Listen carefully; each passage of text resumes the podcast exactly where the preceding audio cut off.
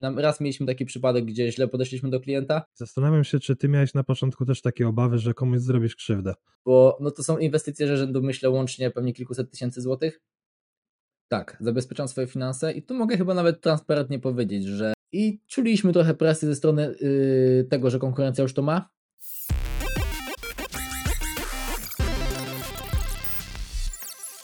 Cześć Jarek, jak tam się dzionek rozpoczął?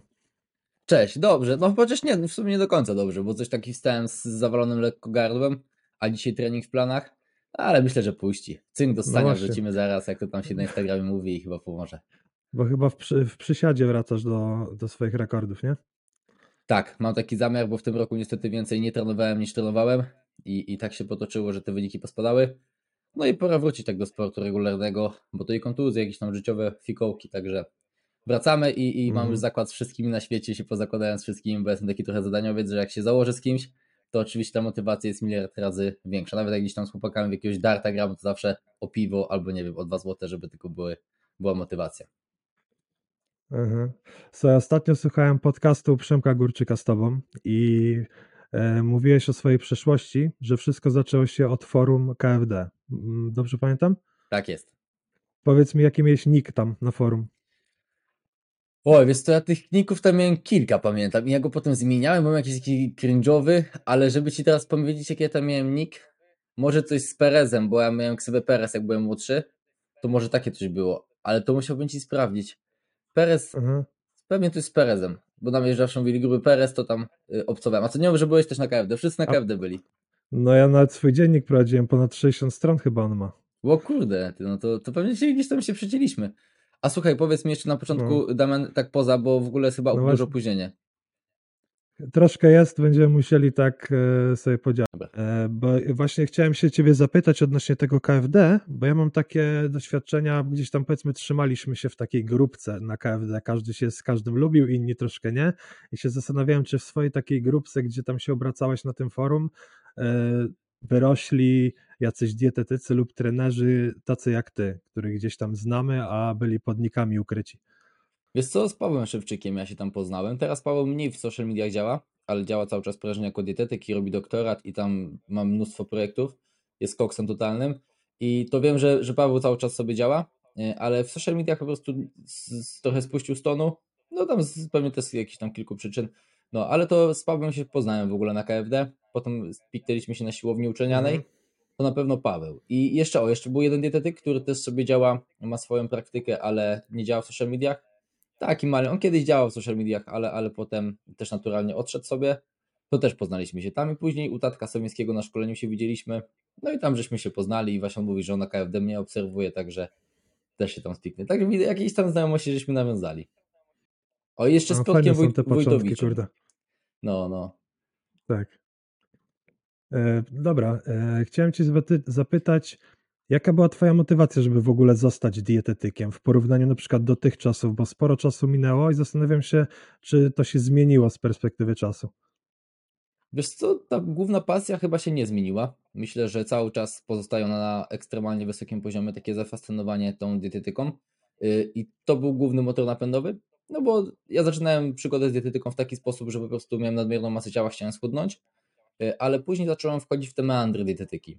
I na początku te jakość dietetyki no, była na niewielkim poziomie, no bo czytałem głównie blogi, jakieś popularno-naukowe książki i byłem trochę szamanem, nie wiadomo jak wszyscy, trafiłem gdzieś na ziemię, na YouTubie i tak dalej, Yy, ale bardzo mnie to interesowało. I sobie śledziłem, sprawdzałem te informacje i na szczęście jak poszedłem na studia, no tam poznałem czym jest rzetelna literatura naukowa y, i, i tak jak mówię, zajawka się utrzymywała, tylko zmieniłem jakby sposób nauki na ten bardziej rzetelny, bardziej ABM i przy tym pozostałem. Także ja się cieszę, że to wszystko tak jakby póki co utrzymuje się, bo też to potem daje nam taki komfort w pracy, że y, no jak ja robię jakiś projekt, to nie mam tak o wstaję i muszę iść do roboty, tylko raczej no teraz na przykład był taki bardzo intensywny dwa tygodnie w naszej pracy, gdzie Mhm. wypuszczaliśmy książkę i ogłaszaliśmy debatę dekady na konferencji, czyli takie dwa duże projekty, które są nowe dla nas, bo nigdy nie robiliśmy ani, te, ani książki, ani konferencji, no to w drugą stronę wręcz, że, że trochę nawet miałem takie wyrzuty sumienia wieczorami, jak już siedziałem tę 12 godzinę w pracy, no że jednak też fajnie byłoby poświęcić trochę czasu dziewczynie, czy pójść na trening, czy coś, nie?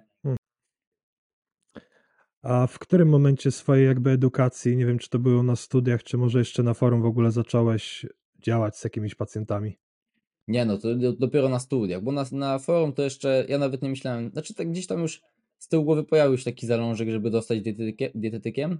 Na początku chciałem być lekarzem i do tego dążyłem. Też byłem na kierunku mhm. biologiczno-chemicznym w szkole. I tam też zacząłem pisać taką olimpiadę wiedzy o żywności. Y, I, i, I wtedy taki już z jednej strony miałem być dostanie lekarzem i pewny chleb, no bo wiadomo, że lekarze raczej biedni nie są.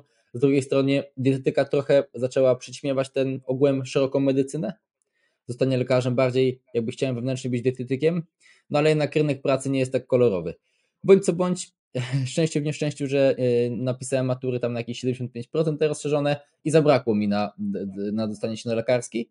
I mówię, dobra, to idę na mhm. rok dietetyki, powtórzę matury i pójdę na lekarski. I nawet powtarzałem te matury, tylko że jak już się powtarzałem, to już tego ostatnie miesiące się nawet nie uczyłem, no bo już wtedy y, no ta dietetyka była mega dla mnie interesująca i nie pamiętam kiedy miałem pierwszych pacjentów, ale myślę, że to był, to był początek drugiego roku na studiach bo to chyba była jakaś tam jesień, zima, wracaliśmy z jakiejś konferencji, pamiętam, założyłem sobie profil na, na Facebooku, jeszcze wtedy Arkadiusz Matras to zależy, miałem taki profil, nawet YouTube'a hmm. nagrywałem przez jakiś czas, yy, kilka filmów mi na Walgor wpadło, no i wtedy to już wiedziałem, że to jest to. Yy, no i maturę nie poprawiłem, napisałem je identycznie, obydwie, no i zostałem na tym, na tej dietetyce. Także zacząłem pracować na początku drugiego roku z ludźmi, no i w ogóle wtedy jeszcze była taka beka, z ręką na sercu ci mówię, że robiliśmy diety, nawet nie mieliśmy jeszcze programu do rozpisywania dłuspisów.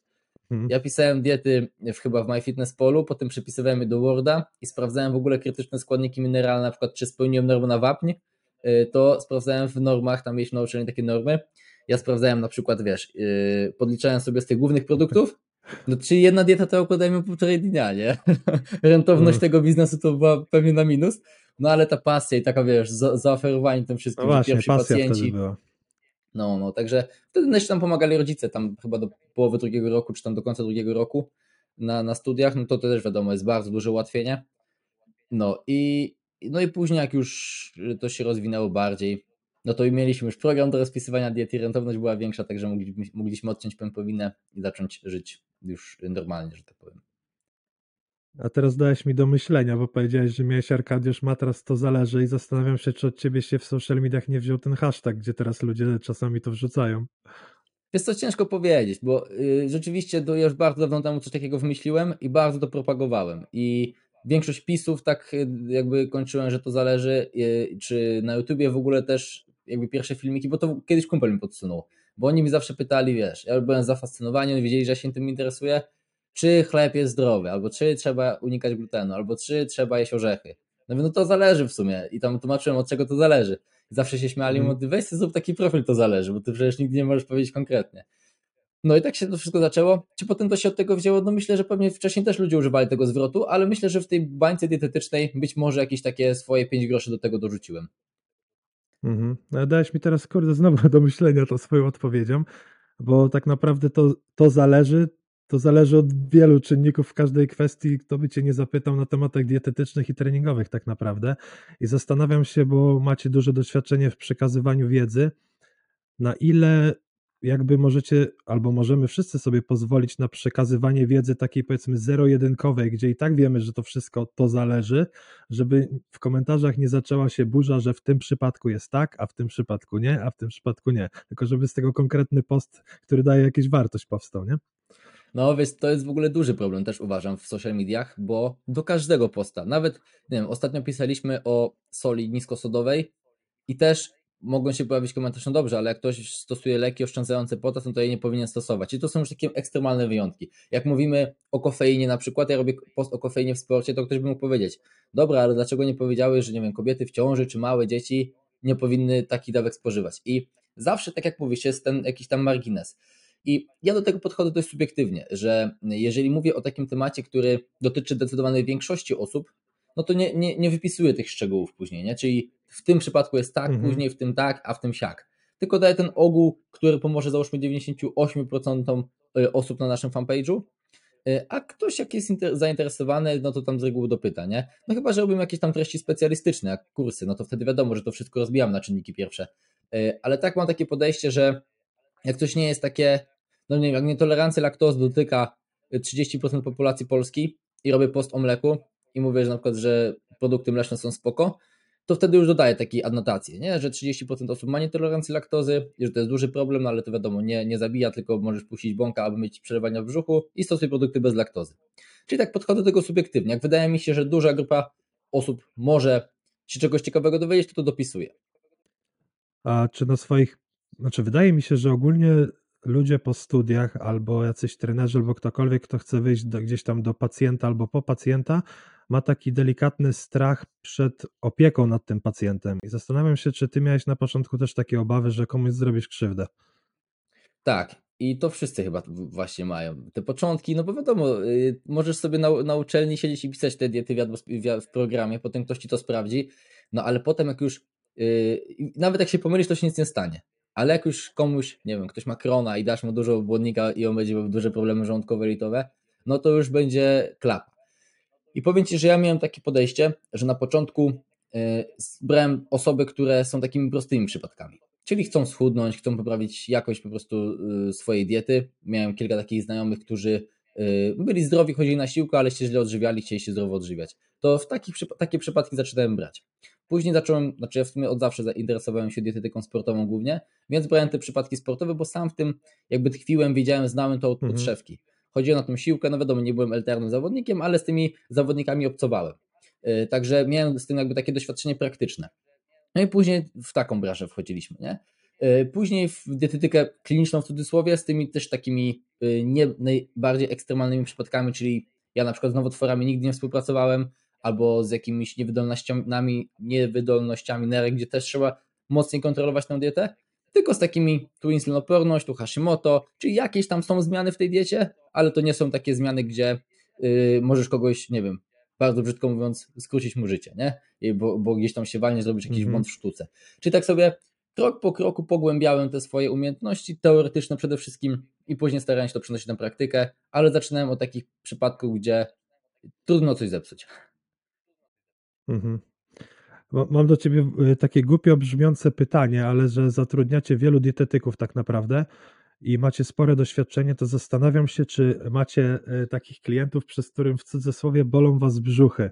I chodzi mi o to, że czasami jest taki pacjent, któremu nic nie pasuje, i jak widzisz, że dostajesz od niego wiadomość czy raport, no to już jest taki delikatny stresik w środku, bo jemu nic nie pasuje, ty się starasz, stajesz na szpilkach, żeby mu dogodzić i zastanawiam się, czy u was w firmie yy, wasi dietetycy mają tego typu problemy i jakby rozwiązujecie tego typu sytuacje.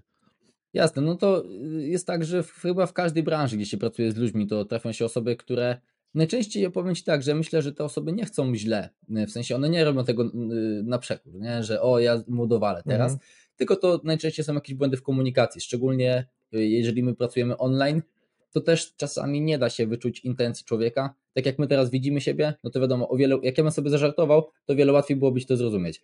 A jak ja bym ci napisał tak, taki tak. żart, a nie znamy się, no to wiadomo, że trudniej to zrozumieć. I najczęściej tu jest jakiś błąd, dlatego my staramy się to zawsze wytłumaczyć y, u źródła tego problemu, dopytać o intencje osoby danej.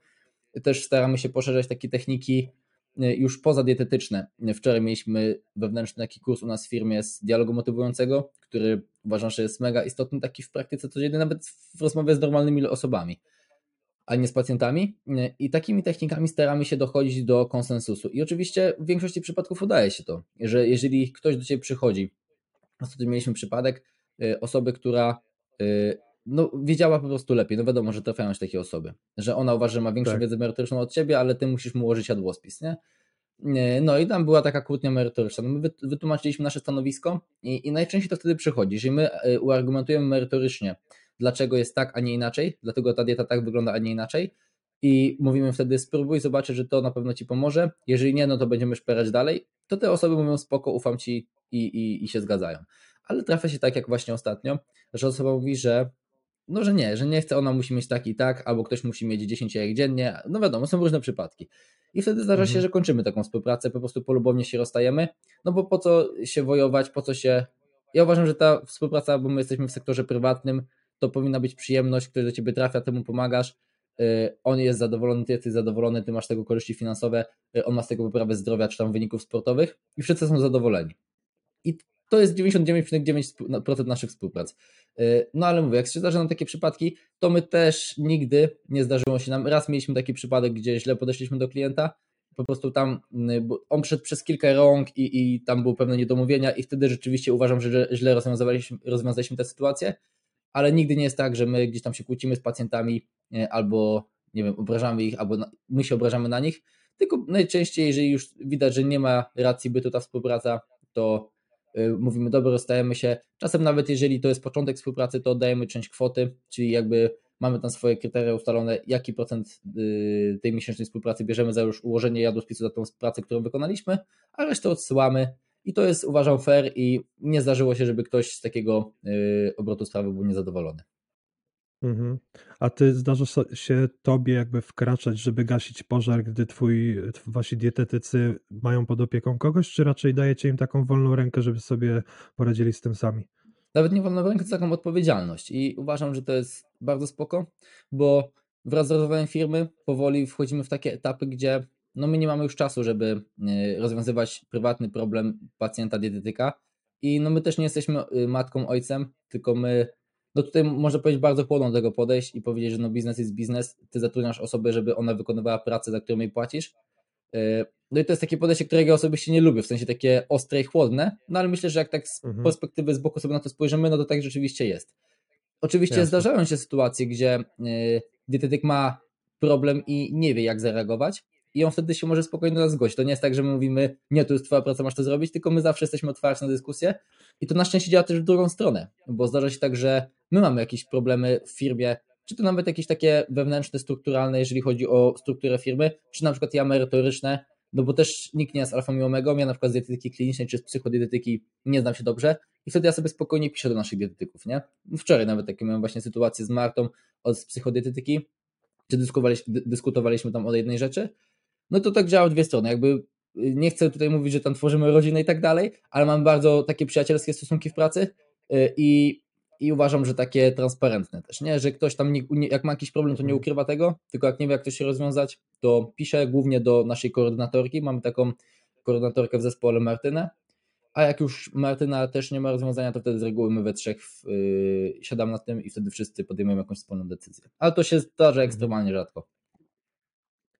A y, na, wasz, na początkach waszej działalności mieliście takie opory i problemy przed delegowaniem tych obowiązków? W jaki sposób do tego podeszliście? No, mieliśmy, mieliśmy i, i to jest jeden chyba z większych problemów osób, które zaczynają, bo teraz widzę, że my zaczynaliśmy już w sumie kilka lat temu zatrudniać osoby, I, i tak. wtedy jeszcze nie było takiego trendu, że duzi dietetycy na Instagramie, na Facebooku z reguły pracowali sami. My też tam działaliśmy, robiliśmy jakieś kooperacje z różnymi dietetykami i oni zawsze mówili, jak wy możecie tak spać spokojnie, jak ktoś inny za was robi pracę, że ja sobie sama najlepiej zrobię, czy ja sobie sam najlepiej zrobię. I my też tak mieliśmy. Jak ja e, oddawałem pierwszych sportowców, szczególnie tych elitarnych, jacy zdobywali medale Mistrzostw Świata, Mistrzostw Europy czy Polski, dietetykom pod opiekę, to wie, kurde, przecież wiesz jak to jest, jest taki lęk jak nie zrobi wagi, no jest, jest. albo jak będzie niezadowolony, jak dostanie, nie wiem, biegunki na zawodach, nie? Albo jak, no coś tam, nie daj Boże, nie pójdzie po, po naszej myśli. No ale to jest, to trzeba chyba przełamać i po to podczas rekrutacji mamy takie trzy etapy.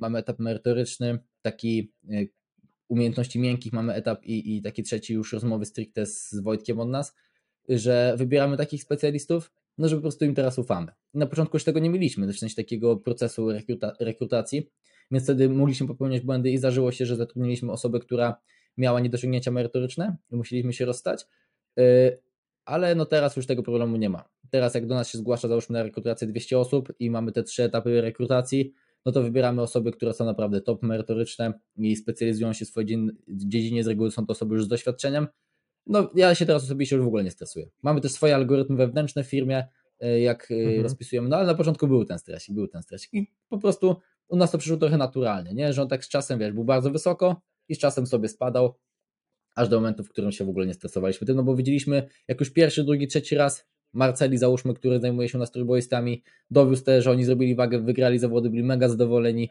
e, wiesz, chwalili go po tym wiadomościach prywatnych, no to mhm. czym to się stresować, nie? No ale przy tych pierwszych był, był stresik. Krótka przerwa w podcaście, bo jest wielka prośba, żebyś dał dała suba na YouTubie i pięć gwiazdek na Spotify, bo najzwyczajniej w świecie wtedy ten podcast idzie do góry i mogę dotrzeć do większej ilości osób. Oprócz tego zajrzyj proszę na linki w opisie tego odcinka, bo tam są wszystkie linki do mojego profilu, do profilu mojego gościa, no i oczywiście zapis do darmowego newslettera, gdzie dzielę się co tydzień wiedzą z zakresu kształtowania sylwetki. Wracamy do odcinka.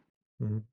A jakbyś miał z perspektywy czasu sobie pomyśleć, to jaki mieliście cel na początku, zakładając dietetykę nie na żarty? No bo teraz zajmujecie się tak naprawdę wieloma rzeczami. Są kursy, są pacjenci, to są takie dwie wasze główne odnogi. Gdzieś tam zaczyna się temat konferencji powoli. Myślę, że temat pójdzie fajnie.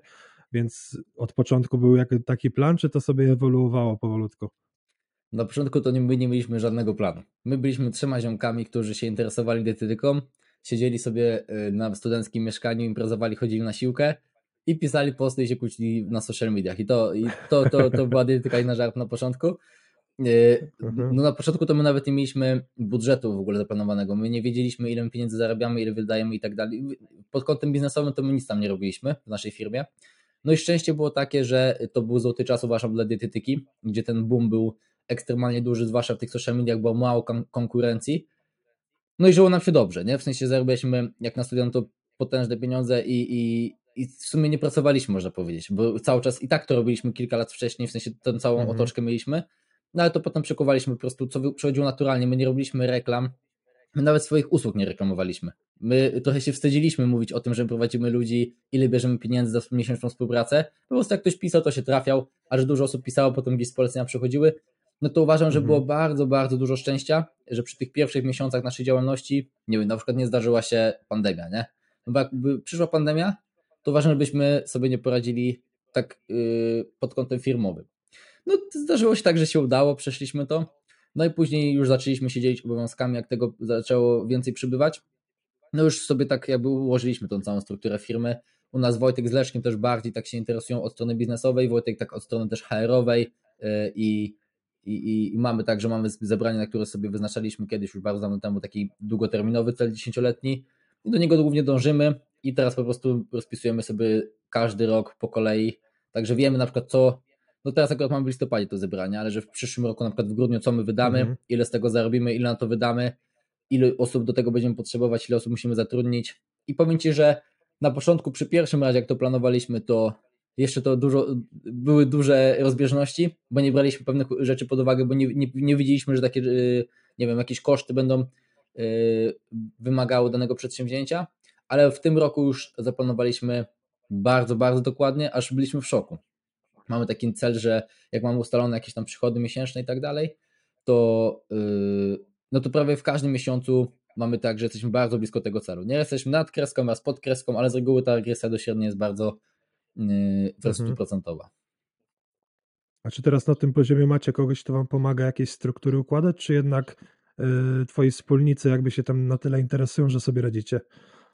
Wiesz co, radzimy sobie we trzech, uważam, bardzo dobrze, ale mamy też y, i u nas w branży czasami sobie po prostu luźno dyskutujemy z jakimiś osobami.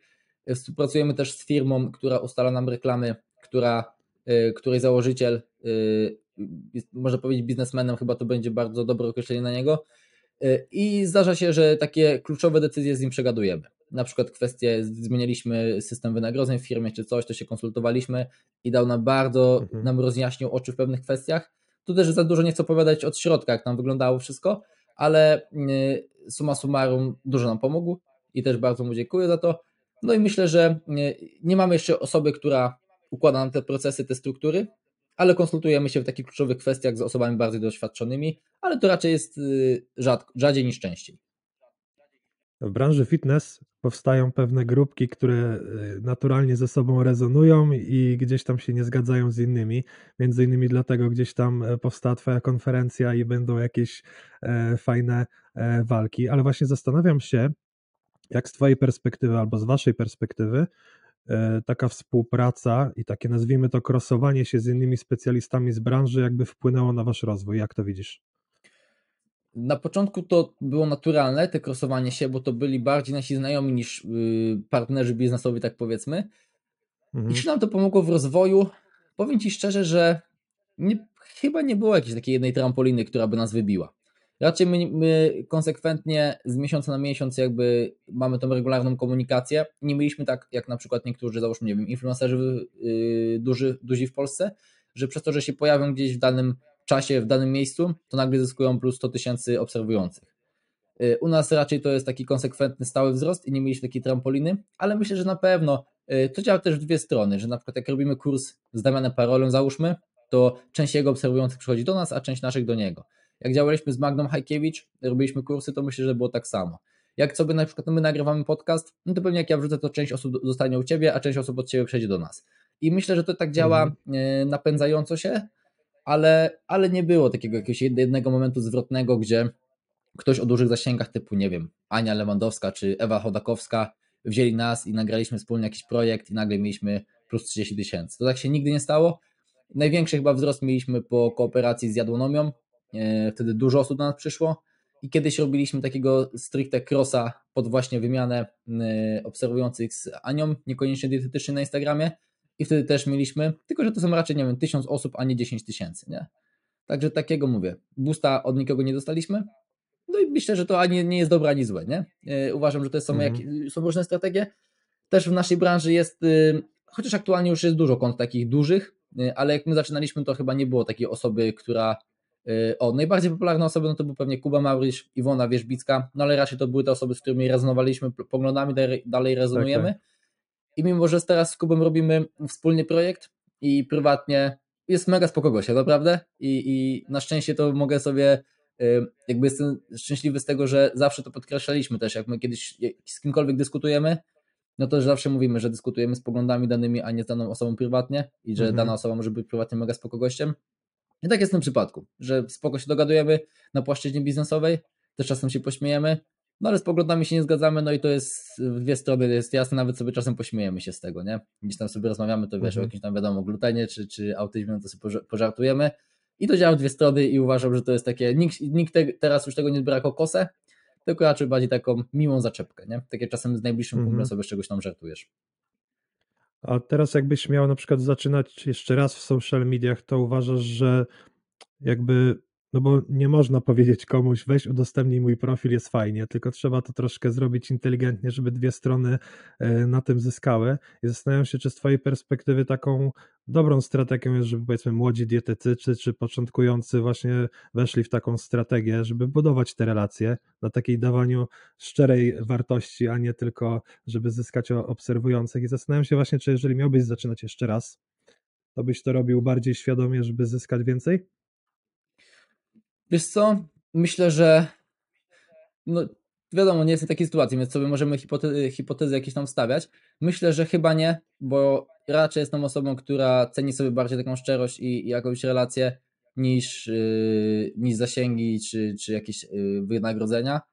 I to i może być dobre i niedobre, bo czasami uważam, że dużo na tym tracimy, szczególnie po prostu czystej gotówki, że dużo rzeczy robimy gdzieś znajomym po taniości i, mhm. i czy, czy to jest niekorzystne? No ja uważam, że i tak y, w aktualnych czasach y, jestem zadowolony po prostu ze swojego standardu życia i nie potrzebuję więcej mieć, a jednak tak jak mówię, te, te, te inne wartości są dla mnie priorytetowe.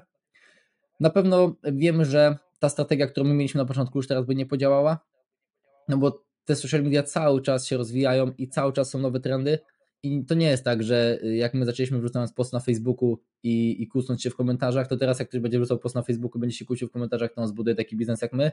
No bo to widzisz, my też teraz musimy zmieniać y, produkty, produkty, y, posty na rolki.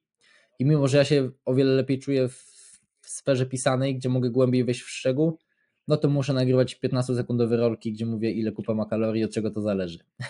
no ale takie są realia. No mhm. tutaj trzeba się dostosowywać, uważam, i być przede wszystkim otwartym uważam, że my zrobiliśmy ten błąd na przykład, że na TikToka weszliśmy zbyt późno i to dużo osób w sumie też tak miało, y, popełniło ten błąd, że o, TikTok dla dzieci, nie? Była zawsze taka gadka. Y, też tu jestem I, w tej grupie. Tak, no. to to uważam, to jest spory błąd i daliśmy sobie nawet słowo, że kiedy będą się pojawiać nowe platformy, to będziemy wchodzić szybko, od ręki. Ja nawet tak kosztem, no, kosztem tego, że stracisz nawet czas, bo platforma nie, za, nie zatrybi, bo czasem się tak zdarza i, i umrze śmiercią naturalną no to yy, właśnie jedna na 10 takich platform pewnie się wybije, tak jak teraz TikTok, nie? Mhm. Powiedziałeś o tym, że jakieś krosowania wasze tam dały powiedzmy bardziej tysiąc niż 10 tysięcy obserwujących. My żyjemy trochę w takich czasach, gdzie ludzie, którzy nie siedzą w tym, myślą, że obserwujący równa się hajs i z 10 tysięcy będzie 10 tysięcy klientów, ale tak naprawdę my oboje wiemy, że ten tysiąc może być wartościowy bardziej. I zastanawiam się właśnie, czy zgadzasz się z tym, że nawet jakbyście mieli 200 lajków, to nie oznacza, że zarabiacie mało pieniędzy i nie macie efektów, bo kompletnie to nie zależy od tego. No jasne, jest wiele firm, które w ogóle nie mają social mediów, nie? Y, my akurat obraliśmy taką strategię, że trafiamy do bardzo szerokiej grupy osób y, i mamy mniej sprofilowany profil klienta niż na przykład nasza konkurencja. Y, taka główna, no chyba można powiedzieć główno, głośno, że Centrum Respo, którzy pod kątem mhm. współpracy z klientami mają podobną skalę do nas. Chyba z tych, co znam firm, to my we dwie jesteśmy takie na podobnym poziomie, jeżeli chodzi o Y, właśnie zasięgi, czy też się z tym. No, liczbę klientów myślę, że oni mają większą, y, no to oni trafiają, widzisz, głównie do y, pań, które chcą schudnąć i one nawet w komunikacji stosują tylko formę żeńską, tylko komunikację mam do takich osób dostosowaną. Mamy trochę inne podejście, inną strategię. Czy któraś jest lepsza, czy gorsza?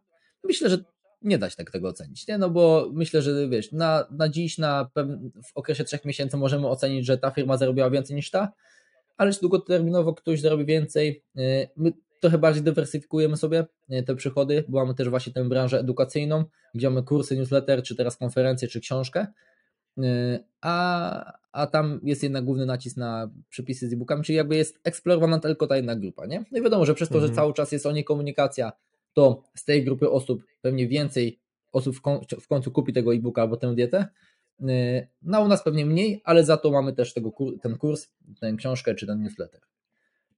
No właśnie, mi się zawsze podobało, że wy jako dietetyka nie na żarty bardzo dywersyfikujecie swoje, nazwijmy to dochody, bo powiedzmy, że z takiej branży fitness poruszacie wiele obszarów, bo jest trening siłowy, jest trójbój, czasem zdarzała się kulturystyka, czasem zdarzał się zwykły Kowalski, teraz wyszliście ze szkoleniami i tak dalej. I wiem o tym, że właśnie Centrum Respo zaczyna powoli zahaczać o B2B, i ciekaw jestem, czy gdzieś tam też myśleliście o tym, żeby wyjść do firm, bo macie ogromne doświadczenie z nauczaniem, więc myślę, że do dużych korporacji mielibyście ogromne wzięcie. Wiesz co, jeżeli chodzi o aspekty y, dietetyczne, to my z korporacjami sobie działamy, tylko tego nie ogłaszamy, bo to z reguły są lidy jakieś takie wewnętrzne, gdzieś się odbywają. Mhm. Nie wiem, czy da się w prosty sposób pozyskiwać takie lidy na standardowych social mediach, Myślę, że pewnie na jakimś LinkedInie ewentualnie. Kiedyś nawet próbowaliśmy, tak, ale tak, to było dokładnie. bardzo mało efektywne y, u nas. I y, jeżeli chodzi, czekaj, bo zadałeś mi pytanie o co, bo trochę się wybiłem, jak mówiłem o tym. Czy myślicie o tym właśnie B2B, żeby wejść do Aha, firm? Wiesz, ja uważam, że jednak trzeba mieć wiedzę. Nie chciałbym teraz przez to, że mi się udało zbudować biznes, iść i uczyć się jak robić biznes, bo to jest tak jak, nie wiem, kulturysta uczyłby cię o dietetyce że on zbudował duże mięśnie, to on ci powie, jak zbudować duże mięśnie. A wiadomo, że to mhm. często nie idzie jednak w parze. I wychodzimy z założenia, że chcemy mówić y, na temat, na których się znamy. Czy na biznesie się znamy? No nam się udało, ale tak jak mówię, jakby już ktoś do nas przyszedł z innej branży, albo ktoś przyszedł do nas, y, nawet dietetyk, który teraz by chciał zacząć, to myślę, że na 10 y, dietetyków, które by chciało, żebyśmy my, załóżmy, byli mentorami biznesowymi ich, to nie wiem ile. Dwie, trzy osoby by może rozwinęły taki biznes jak my, no bo to jednak mm, dużo jest w tym szczęścia, dużo jest w tym dobrego miejsca i dobrego czasu. I tak jak mówię, ja nawet nie mam studiów skończonych, jeżeli chodzi o, nie, o marketing, o sprzedaż. Pewnie jest mnóstwo technik, y, które sprawdziłyby się w innych modelach biznesowych, których ja nawet nie znam, bo my tego nie robiliśmy. I, i, i mam trochę tak, że głupio bym się z tym czuł i, nie chciałbym tego robić. Nawet teraz y, może zdradzę u Ciebie już, że robimy taki kurs o obsłudze klienta i też y, mimo, że mamy bardzo duże doświadczenie, to wzięliśmy osobę zewnętrzną, która ma y, wiedzę teoretyczną i doświadczenie z branż typu banki i tak dalej, która jednocześnie jest dietetyczką, która i układa aktualnie u nas taką profil obsługi klienta i też właśnie ten kurs będzie mhm. robić. Czyli wychodzimy, no tak samo nie wiem, jak ktoś mnie pyta o sterydy, nie? czy jakie mam zdanie o sterydach, no to ja się nie, ja się nie znam, no ja nie jestem ekspertem od sterydów, albo jakieś aspekty wykraczające poza dietetykę lekarskie czasami się tak zdarza. Co sądzisz o moich wynikach badań? Nie mówię, ja ci mogę powiedzieć, co masz zrobić, jak masz wysoki cholesterol, co masz jeść. Ale jaką ty masz wdrożyć farmakoterapię, albo jaka to jest choroba, no to ja, ja mogę się domyślać, ale nie chcę ci tutaj nic mówić, bo, bo wiem, że jest tak szerokie spektrum rzeczy, które można na to wpłynąć, że ja po prostu nawet o nich nie wiem, że takie rzeczy istnieją. Więc mhm. widząc, jak dużo osób bredzi o dietetyce, Ja wolę się skupić na tej swojej dietetyce i być w tym ekspertem, bo uważam, że jesteśmy ekspertami z dietetyki, a nie wykraczać poza naszą, naszą bańkę. Mhm. A zdarza Wam się współpracować z jakimiś lekarzami? Macie jakąś taką siatkę poleceń, że kierujecie pacjentów do jakichś poleconych lekarzy? Bo wiadomo, że jest lekarz i lekarz, nie? Tak, tak, niestety tak. Mamy, mamy y, y, ekspertów godnych zaufania i to nie jest tak, że na przykład my byliśmy jakiegoś lekarza i to się tak zdarzyło, tylko z reguły y, na przykład lekarz ma dobrą opinię, mamy na przykład kilku klientów, którzy są zadowoleni z danego lekarza i to wygląda w ten sposób, że nie działamy na takiej płaszczyźnie, że polecamy, mamy z tego prowizję, mamy jakiś kontakt, że we dwójkę pracujemy nad jednym mhm. pacjentem. To jest trochę takie utopijne spojrzenie, myślę, że najlepsze, że w jakichś tam krajach bardziej rozwiniętych od Polski ono może już funkcjonować, że mamy takie, może nawet kliniki można, można to nazwać. Kiedyś prowadziłem taki, mm, taki wykład z dziewczyną z Wielkiej Brytanii, która tam robi doktorat. To u niej wygląda to w ten sposób, że oni mają sztab ekspertów i mają taki, taka można powiedzieć klinika psychodietetyki to była, gdzie był psychiatra, psychoterapeuta, dietetyk i oni działają nad jednym pacjentem we trójkę, czy tam w czwórkę, w piątkę, nie pamiętam mhm. ilu było osób w zespole, że przychodzi pacjent, nie, to jeszcze tak, rano oni przychodzą do pracy, mówią, dobra, dzisiaj jest pacjent X, on ma taki i taki problem, z mojej działki psychodietetycznej możemy zrobić to i to. Psychiatra mówi, możemy zrobić to i to. No i to wiadomo, wtedy kompleksowa opieka.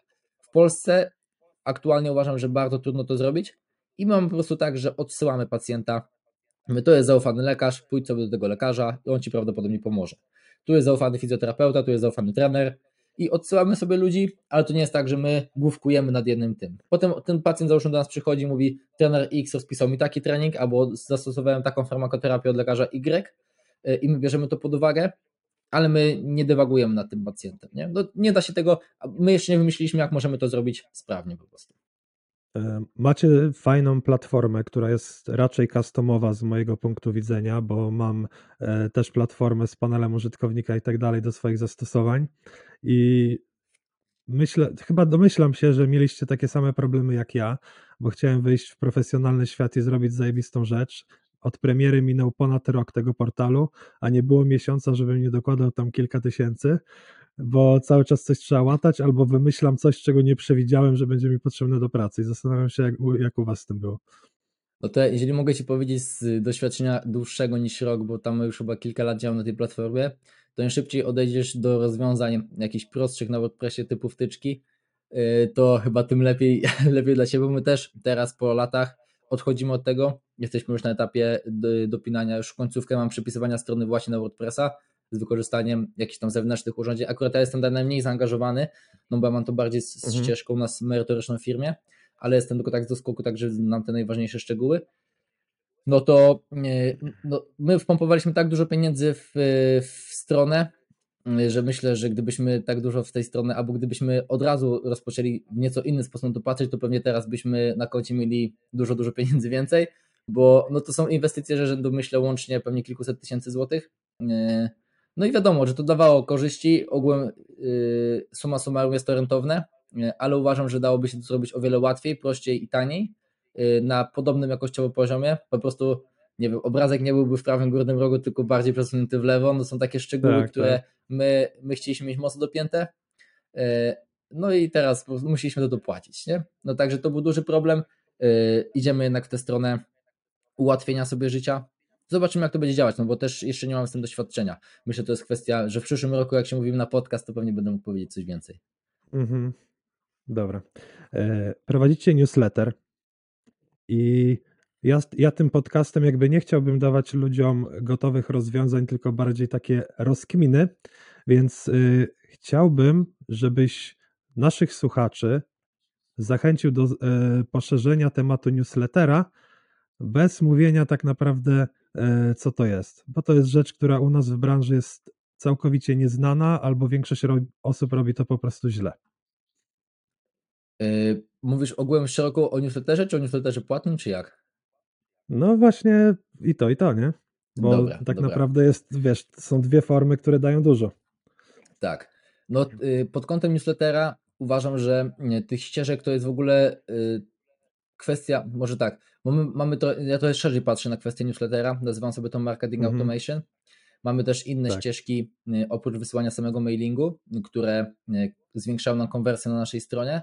I tych narzędzi jest sporo, tam też dopiero raczkujemy i też robimy to trochę z doskoku, trochę nawet mnie to irytuje, bo y, ja się tym zajmuję i jeżeli mam luźniejszy okres pracy, to bardzo szybko, fajnie się to rozwija, a potem zaczynam pisać książkę i trzy, i trzy miesiące to stoi, Mhm. bo z jednej strony nie opłaca nam się zatrudniać kogoś na cały czas, żeby tam rozkminiał, być może dałoby to zyski, nie? ale póki co mamy ważniejsze projekty i sam sobie tam dłubię, ale też mi daje to Mhm. dużo satysfakcji, że widzę naoczne efekty, że liczba zamówień z danego narzędzia jest większa niż z innego. Ale jak ja bym miał powiedzieć w dwóch słowach, to cały ten szeroki marketing automation to jest y, narzędzie, dzięki któremu przy tej samej liczbie obserwujących zarabiasz po prostu dużo więcej, bo dzięki metodom, które wykorzystujesz tam, zwiększa się Twoja konwersja, czyli więcej osób jest chętnych, albo nie, nie dopuszczasz do sytuacji, gdzie ktoś już jest bardzo bliski zakupu, ale nie wiem, idzie wstawić wodę na herbatę i zapomina kliknąć kup teraz.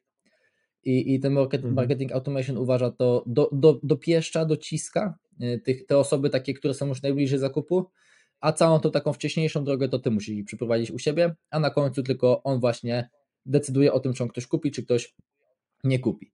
No w tym mailingu to wiadomo, też są różne strategie. Można stosować mailing, nie wiem, stricte pod y, oferty reklamowe, można stosować mailing taki merytoryczny, też niektórzy to robią z branży. Y, U nas już tyle tych Mhm. komunikatów, że my z tego merytorycznego zrezygnowaliśmy, takiego darmowego, w sensie nie, u nas nie miało to takiego wzięcia. My mieliśmy głównie osoby z tej branży, y, z tej działki takiej pacjent, propacjenckiej, czyli ich bardziej interesuje przepis, ich bardziej interesuje baton do 100 kilokalorii niż jakieś tam merytoryczne rozkminy. Y, A mnie Mhm. jednocześnie te merytoryczne rozkminy bardzo interesują, dlatego żeby się realizować, no to odpaliliśmy płatny newsletter, gdzie jest model subskrypcyjny, że coś jak na Netflixie, ktoś ci płaci miesiąc w miesiąc, a ty mu dostarczasz regularnie treści premium i to działa super. Yy, Są bardzo dobre opinie o tym. Do tego stopnia to urosło teraz, że już Mhm. mogliśmy sobie pozwolić zatrudnić yy, osobę, która pomaga mi w tych treściach i lwią część tej pracy, czyli wyszukiwanie badań teraz, yy, ich opisywanie robi Kamil Suwa, czyli Loczek, nasz, oj to zrobię taką klamrę trochę i za chwilę wrócę do tego tematu, ale dobra, wrócę, dobra. rozmawialiśmy o tego, czy małe profile powinni pisać do większych profili i dyskutować. Ja uważam, Mhm. że jest to jakaś ścieżka, ale miliard razy bardziej y, opłacalna ścieżka jest taka, jeżeli ktoś by chciał poznać ludzi z branży, to jeżdżenie na y, stacjonarne konferencje czy szkolenia, bo no na przykład to jest idealna osoba, że my z Kamilem poznaliśmy się u nas na kursie, po prostu gdzieś tam na integracji siedliśmy koło siebie, pogadaliśmy, potem złapaliśmy kontakt na social mediach, właśnie coś sobie śmieszkowaliśmy, no i teraz już z nami pracuje. Mieliśmy Bartka Mhm. Włodarczyka, który teraz robi rolki, też mocno Instagram, urósł jeszcze kilka miesięcy temu, to miał może z tysiąc obserwujących, nie no, może śmie- śmieję się, ale był bardzo, był mniejszym kontem, a teraz już jest bardzo popularnym kontem. Y, No i też Mhm. byliśmy bliscy do, do pięcia współpracy. Tam z różnych przyczyn dalej mamy super kontakt, tylko po prostu tam nie dogadaliśmy się finansowo. No i to też y, uważam, że jak ja poznam kogoś prywatnie, to szansa, że y, zaciągnę go do, do pracy jest większa niż kogoś, kogo nie znam prywatnie. I to jest taka rzecz, którą Mhm. uważam, polecam, bo wcześniej jak też śmigaliśmy na konferencjach jeszcze na studiach na pierwszym roku czy drugim, to no, poznawaliśmy osoby, które później nam oferowały pracę. Tak, tak. z, z Demanem Parolem na przykład dzięki temu napisałem pierwszą publikację naukową, bo na, moja promotorka powiedziała idź napisz pracę i przyjdź do mnie opublikujemy, ale nie miałem żadnego pojęcia jak to się robi. I napisałem do Damiana, słuchaj mam taką problem, że chciałbym to napisać, a nie wiem jak. I on mówi, dobra, czekaj, zadzwonię i, i pogadamy. No i zadzwoni, mówi, że możemy to zrobić, on mi wszystko wytłumaczy. No i napisaliśmy wspólnie, nie? Z, z nim i z Da- Danielem Śliżem. To była na przykład taka rzecz, nie? Miałem też z Magdą Superson, też naszą koleżanką teraz, yy, był wykład na konferencji Kongresu z Dietetyki, a tam miałem wykład o jajkach. Yy, No, był Mhm. taki trochę stand-upowy, taki showmeński. Yy, No i wprost mówiąc, on dobre dość opinie zebrał, nie? Ludzie do, potem na integracji to mnie podbijali, stawiali mi piwo, szota, mówią, super wykład, dawaj na szocika, wiesz, to było bardzo miłe dla mnie.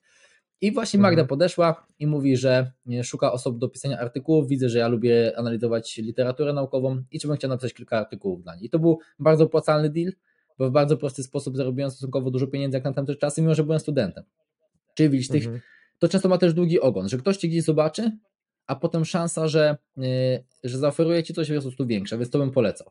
I wracając do tego newslettera, yy, no teraz już urosł do tego stopnia, że Kamil się tym zajmuje, to też pozwala nam robić yy, content bardziej jakościowy, bo zdarzało się tak, że jak ja miałem natłok pracy, no to po prostu najzwyczajniej w świecie nie byłem w stanie opracować, nie wiem, 6-7 badań bardzo dokładnie, tylko musiałem opracować 4-5, żeby to miało jakościowo było, ale jednocześnie, Tak, żeby tak. żebym się wyrobił. No więc teraz możemy to robić.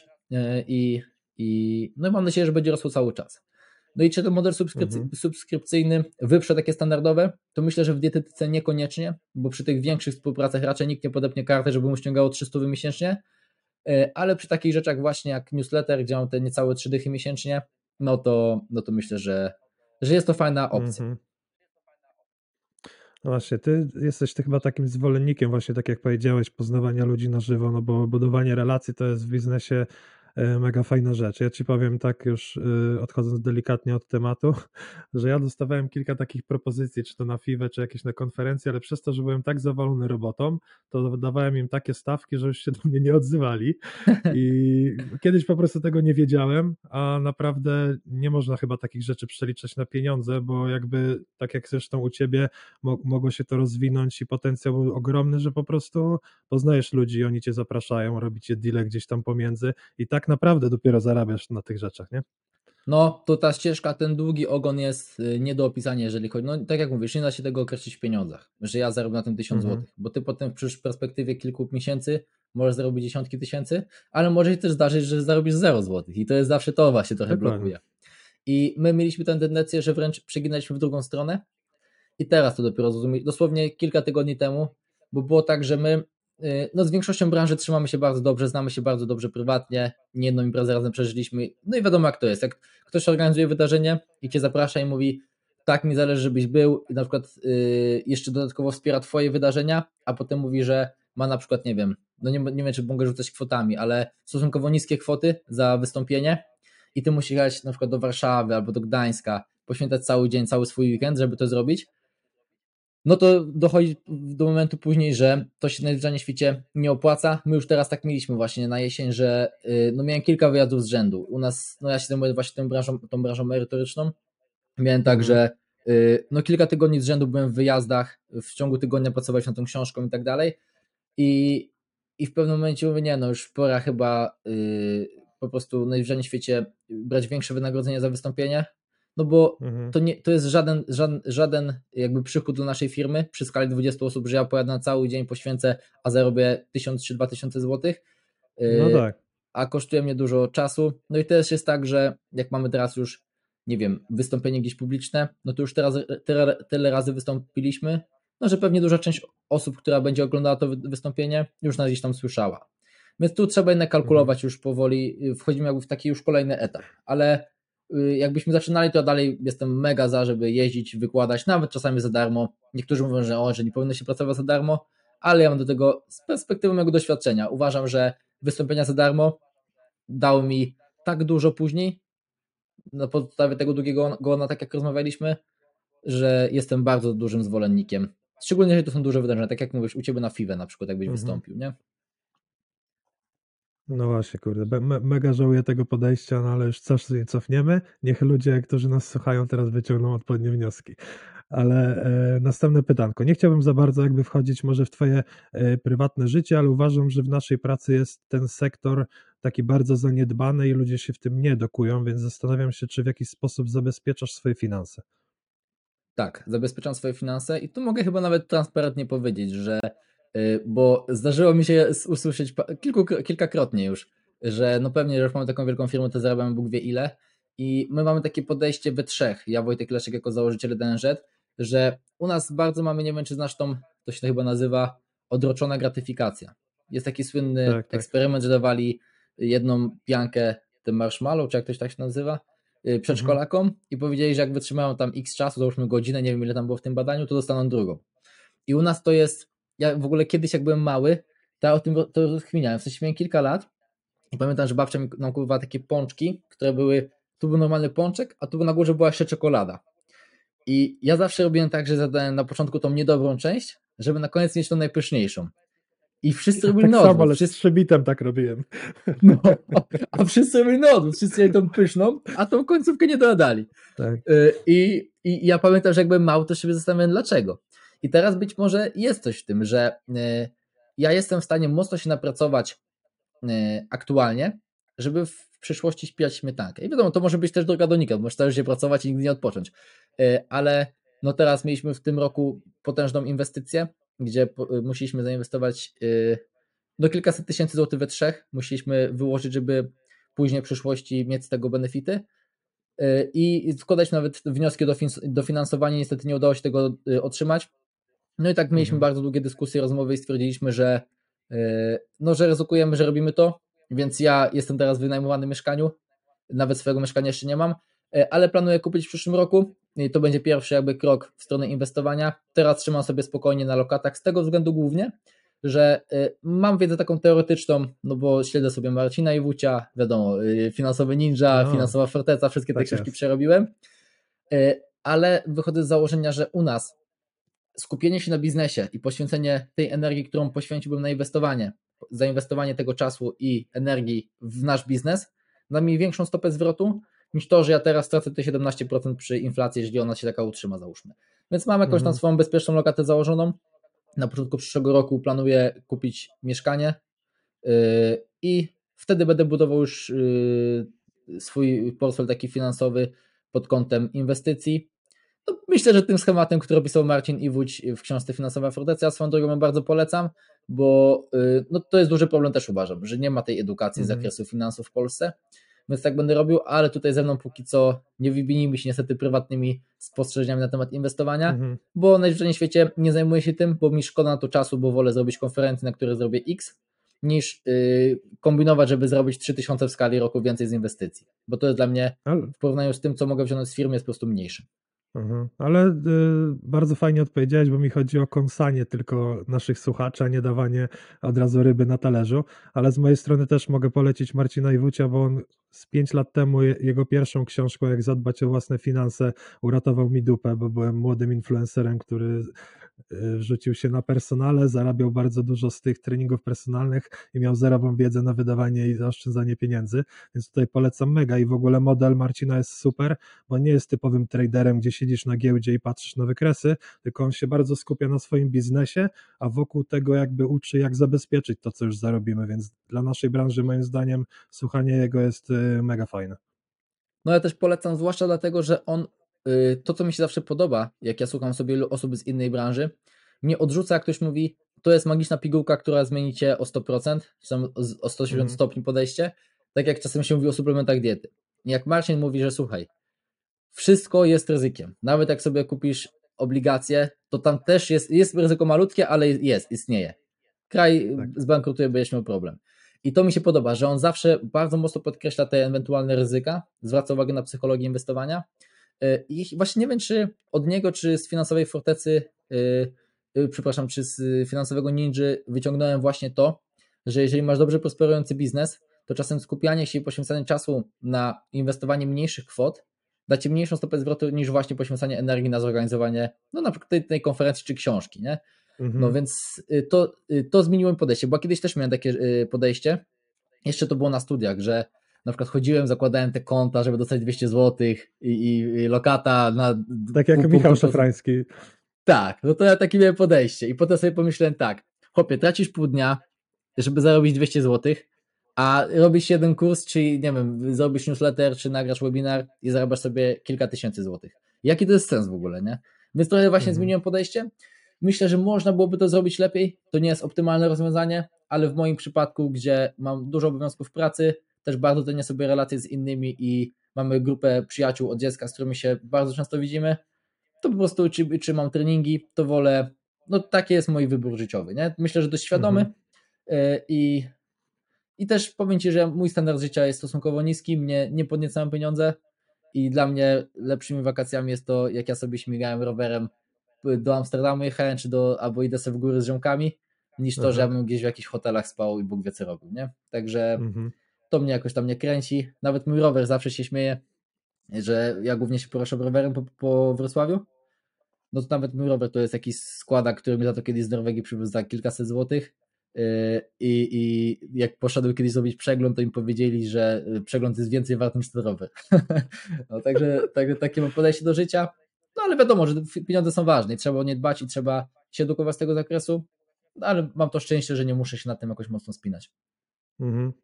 Przygotowałem sobie takie pytanie do ciebie i to e, o inwestycjach było takim wstępem, bo tak delikatną, taką e, foliową czapeczkę chciałbym sobie założyć i pogadać o evidence-based medicine, bo tak ci nakreślę tylko tło, bo ja odkąd zacząłem się właśnie edukować tak finansowo, to też gdzieś tam inwestycje, giełdę, teraz weszła geopolityka w związku z tej sytuacją na Ukrainie i tak dalej.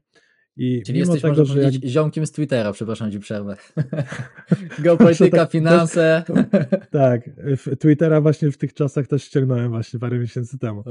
Ale y, chodzi mi o to, że ja też y, lubię badania, siedzę, uczę się, jak to analizować i tego typu rzeczy, ale też odkąd siedzę w inwestycjach, to widzę, że jest bardzo dużo naczyń połączonych. Jednak my, jako społeczeństwo, delikatnie jesteśmy w jakąś stronę e, kierowani i na pewno dużo rzeczy, tym bardziej u nas w kraju, są porąbane. I zastanawiam się właśnie, jak ty podchodzisz do e, całej pandemii, COVID-u, szczepionek i tego typu rzeczy, bo gdzieś tam w social mediach oczywiście się wypowiadałeś, bo ci ludzie zadawali pytania, ale liczyłem może na to, że głęboko siedzisz gdzieś tam w inwestycjach i może gdzieś z tyłu głowy masz jakieś takie myśli, że kurde, no nie do końca jestem jednak pewien i ufam temu wszystkiemu. Nie, to ja powiem transparentnie, że jestem pewien i ufam i uważam, że y, w czasach, kiedy trzeba było podejmować ważne decyzje y, przy ograniczonej liczbie dowodów, to podejmuje się najlepsze decyzje na podstawie najaktualniejszych dowodów. Później mhm. po 10 miesiącach, kiedy my wiemy, mamy większą wiedzę, możemy sobie gdybać, o dobra, a co jeśli byśmy zrobili wtedy X? Tylko, że wtedy tego nie wiedzieliśmy. I tak to najczęściej niestety działa. I tak uważam też jest w nauce, że y, no świetnym przykładem jest załóżmy robienie wagi w sportach siłowych. Pozwolę sobie taką alegorię zrobić, że mhm. my nie wiemy teraz, czy utrata 5% masy ciała u trójboistów, kiedy mamy dwie godziny między ważeniem i startem, nie wpływa negatywnie na ich wynik siłowy. Ale my zrobiliśmy tak już pewnie ze 150 razy z naszymi zawodnikami i w większości przypadków nie wpływało to negatywnie, dlatego tak robimy.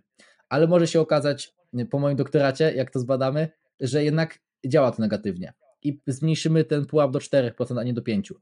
Czyli teraz najlepsza, najlepsze dowody wskazują na to, że tak nie jest, ale yy, nie mamy tego zweryfikowanego jeszcze w rzetelnych badaniach. Jak zweryfikujemy mhm. i okaże się, że to nie było prawdą, no to trzeba będzie zmienić podejście.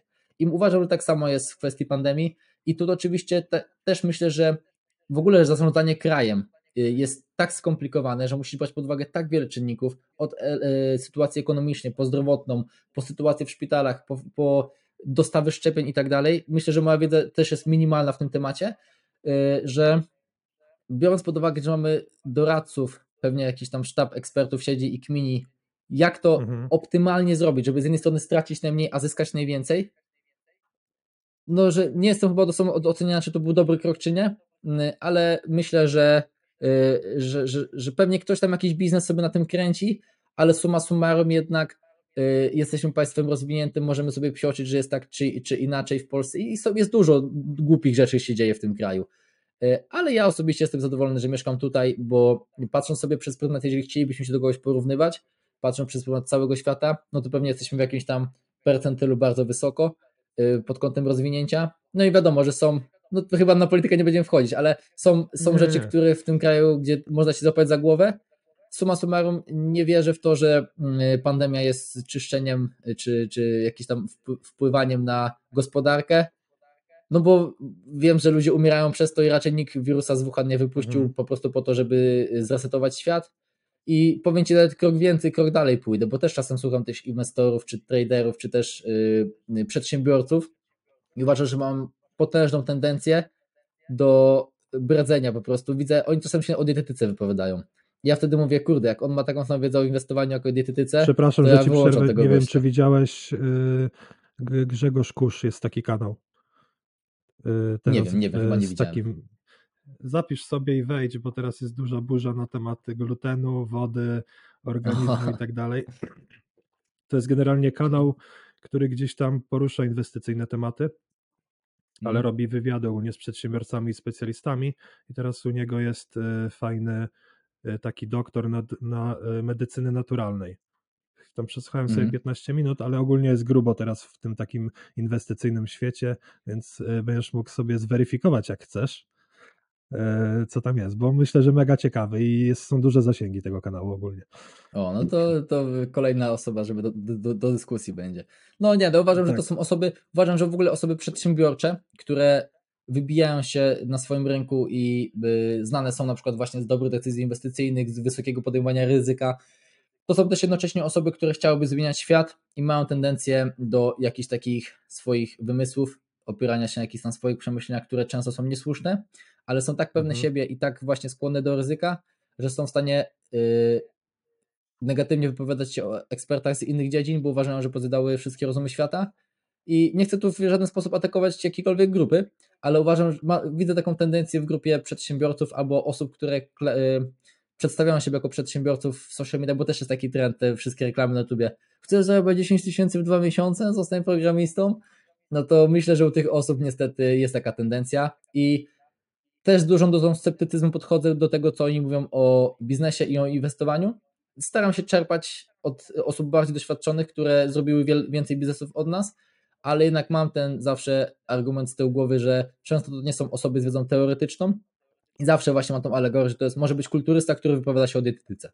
Czyli on Mhm. to u siebie, u, u niego to zadziałało, więc u wszystkich to musi zadziałać, a wiemy, że tak nie jest.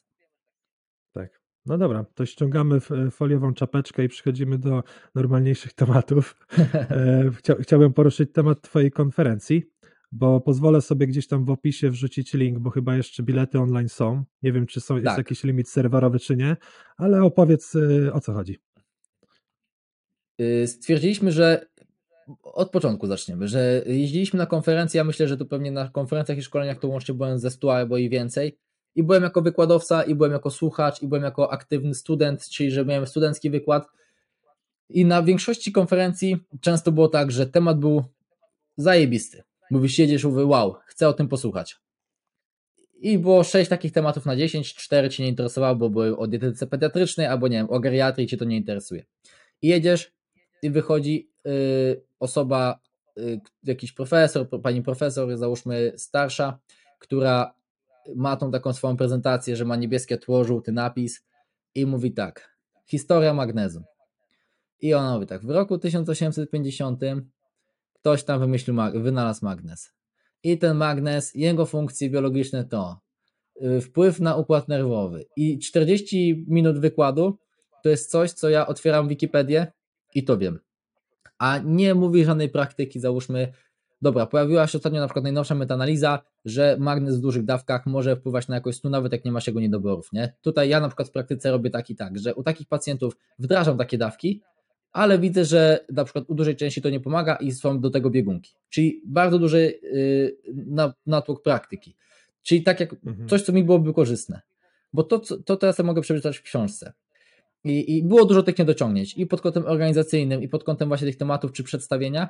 No i stwierdziliśmy, że chcemy zrobić coś, co wzniesie ten rynek konferencji na wyższy poziom pod kątem i takiego performance'u, ale też merytoryki. No i stwierdziliśmy, że e, zaprosimy głównie praktyków, którzy opowiedzą na, o tym, w czym się specjalizują. Czyli jak mamy z SIBO, no to wzięliśmy Emilię Cesary, która siedzi sobie w tych jelitach i ona głównie na tym się skupia. Ja na przykład mógłbym Mhm. zrobić przegląd badań o SIBO, ale nie działam z takimi pacjentami, więc moja wiedza byłaby teoretyczna taka sama, ale później jakbym chciał umieścić tę wiedzę w jakimś kontekście, to nie potrafiłbym tego pewnie zrobić tak dobrze jak Emilia. Mamy Radka Smolika, Mhm. którego pamiętam jeszcze, go nawet nie był na studiach i on wiecznie o tych adaptacjach metabolicznych gadał. Kiedyś nawet byliśmy na jakiejś integracji po, po, po szkoleniu, zawsze śmialiśmy się, że mówi, że musimy zrobić takie badania właśnie jak Matador Study było, tylko że lepiej to zaplanować. I, i on jest w tym zakotwiczony w tych adaptacjach. Wiem, bo też bardzo lubimy się prywatnie, że jak ma pacjentów, to yy, no do niego zgłasza się dużo osób i on wybiera sobie takie osoby tylko na wyższym szczeblu zaawansowania dietetycznego i sprawdza już u Mhm. nich takie nowinki. Czyli on nie ma takich pacjentów jak my, że ktoś chce schudnąć albo przytyć, nie? Tego takie Tak, tak. ekstrema. I dużą tę praktykę, dużo tą praktykę ma. Czyli wzięliśmy sobie ekspertów y, z konkretnych dziedzin, żeby tę wiedzę przekazali. Dodatkowo pod kątem biznesowym chcieliśmy to zrobić w taki sposób, żeby nie brać tej bańki wyłącznie naszej, można powiedzieć, że y, w cudzysłowie chyba, bo, bo nie z wszystkim jesteśmy przyjaciółmi, myślę, y, ale takich bliskich znajomych, gdzie się lubimy, jeździmy razem na konferencje, na tych samych wydarzeniach się pojawiamy, bo nas śledzi ta sama grupa osób. Y, Mamy oprócz naszej tej bańki jest właśnie dużo osób, które mają duże zasięgi, które specjalizują się w innych tematach i mają do dietetyki nieco inne podejście. Tu jest świetnym przykładem właśnie Marek Fischer, y, którego poprosiliśmy, żeby u nas wystąpił. Mm, No i stwierdziliśmy, że podkradliśmy trochę pomysł od y, galf freak fightowych, że zawsze muszą być emocje, no bo to ludzi przyciąga. No i długo dywagowaliśmy, co moglibyśmy w tym, z tym zrobić. No przecież nie będziemy zrobić tak, żeby ktoś tam się bił nie, na tej konferencji. No ale wiemy, że istnieją takie niesnacki między niektórymi osobami z branży. No i najbardziej ta popularna, chyba znana w branży dietetycznej, no to jest mm, odwieczna y, dyskusja Damiana Parola z Jakubem Mauriczem. No i Mhm. stwierdziliśmy, że dobra, robimy to. No i tak trochę w to nie wierzyliśmy, nie? Że, bo słyszeliśmy gdzieś w kuluarach, że Kuba nie jest chętny na takie dyskusje. Y, Nawet dzwoniliśmy wcześniej zrobić taki sobie research. No ale no dobra, jak nie spróbujemy, to to się nie dowiemy. No i zadzwoniłem y, do menadżerki, czyli do, do żony. No i na początku taka, że nie, że nie, nie robimy tego i koniec, nie? A mówię, dobra, to ja wyślę maila, przedstawię wszystko i tak dalej. Bo ogółem mamy taką myśl, żeby trochę zażegnać ten konflikt i podejść do tego w ten sposób, że no tak jak mówiłem, że my się możemy nie zgadzać merytorycznie, ale możemy o tym podyskutować, ale nie w sposób, że wyciągamy sobie jakieś brudy, wyzywamy się i tak dalej. Jasne. No i przedstawiłem to w taki sposób, jak chcemy to zrobić rzeczywiście. No i zaczęły się tam potem dyskusje, dywagacje i summa summarum dopiliśmy to, czyli będzie ta debata między Damianem a Kubą na takie najbardziej palące tematy, czyli y, no dieta w autyzmie, która chyba jest najbardziej paląca, gdzie y, Kuba kiedyś już taki impulsywny, emocjonalny post, mówiąc Tak, o tym, było. że wy- wyleczył osobę z autyzmu, gdzie autyzm nie jest chorobą. No i to wiadomo, że biorąc pod uwagę jego, jego postać, która jest bardzo kontrowersyjna, to wiele dietetyków się do niego przyczepiło. No i uważam, że słusznie, że ten post powinien zostać skrytykowany. Yy, No i ale ta burza, która się wokół tego zrobiła, była przepotężna. No to, yy, to jest to. Mamy kwestię mięsa w diecie, yy, gdzie Kuba jest bardziej takim, tak mi się wydaje, przynajmniej zobaczymy na konferencji, co będzie mówił, ale pro mięso, Damian wiadomo bardziej proroślinny. Mamy też kwestię probiotykoterapii i suplementacji, gdzie Kuba poleca wiele firm, poleca probiotykoterapię często wielu osobom, które w oczach ABM nie, nie mają wskazań do tego, żeby stosować ją. No, a Damian ma wiadomo też takie bardziej sceptyczne podejście. No i Mhm. chciałbym, żeby oni podyskutowali też z perspektywy i merytorycznej, ale też praktycznej. No i potem mamy też jeszcze element, żeby ludzie mogą zadawać pytania i tak dalej. Czyli zrobiliśmy takie wydarzenie, które ma być jednocześnie merytorycznym wydarzeniem, z drugiej strony ma być e, wydarzeniem emocjonalnym. No i to będzie, uważam, jednocześnie bardzo duża wartość dla dietetyków jako ekspertów, z drugiej strony bardzo fajne przeżycie, no bo planujemy też kilka rzeczy, o których nie chcę mówić, bo będą niespodzianką, e, co da takie niezapomniane e, wspomnienia, że za dwa lata, za trzy lata mam nadzieję, ktoś będzie mówił, ale było zajebiście na tej konferencji, bo było to, to i tamto. Bo ja tak wspominam, na przykład Mhm. była jedna konferencja Kongresu z Dietetyka, gdzie zrobili integrację w takim klubie w, w Łodzi, tam był jakiś open bar i tak dalej, było mnóstwo osób i, i cała ta branża dietetyczna się bawiła razem, no i to było wspaniałe przeżycie. I poznaliśmy sobie wiele osób, i podyskutowaliśmy, i potańczyliśmy, i pogadaliśmy. Yy, I chciałbym coś takiego zrobić, tylko właśnie na jeszcze, na jeszcze większą skalę. Mhm. A żałujesz, że macie wybraną taką małą salę, bo chyba bilety na y, stacjonarne wam się tak rozeszły, że ja nawet nie zdążyłem zobaczyć, jaka jest cena. tak. No, y, ja nie żałuję, y, bo, bo opowiem Ci tak, pod kątem biznesowym.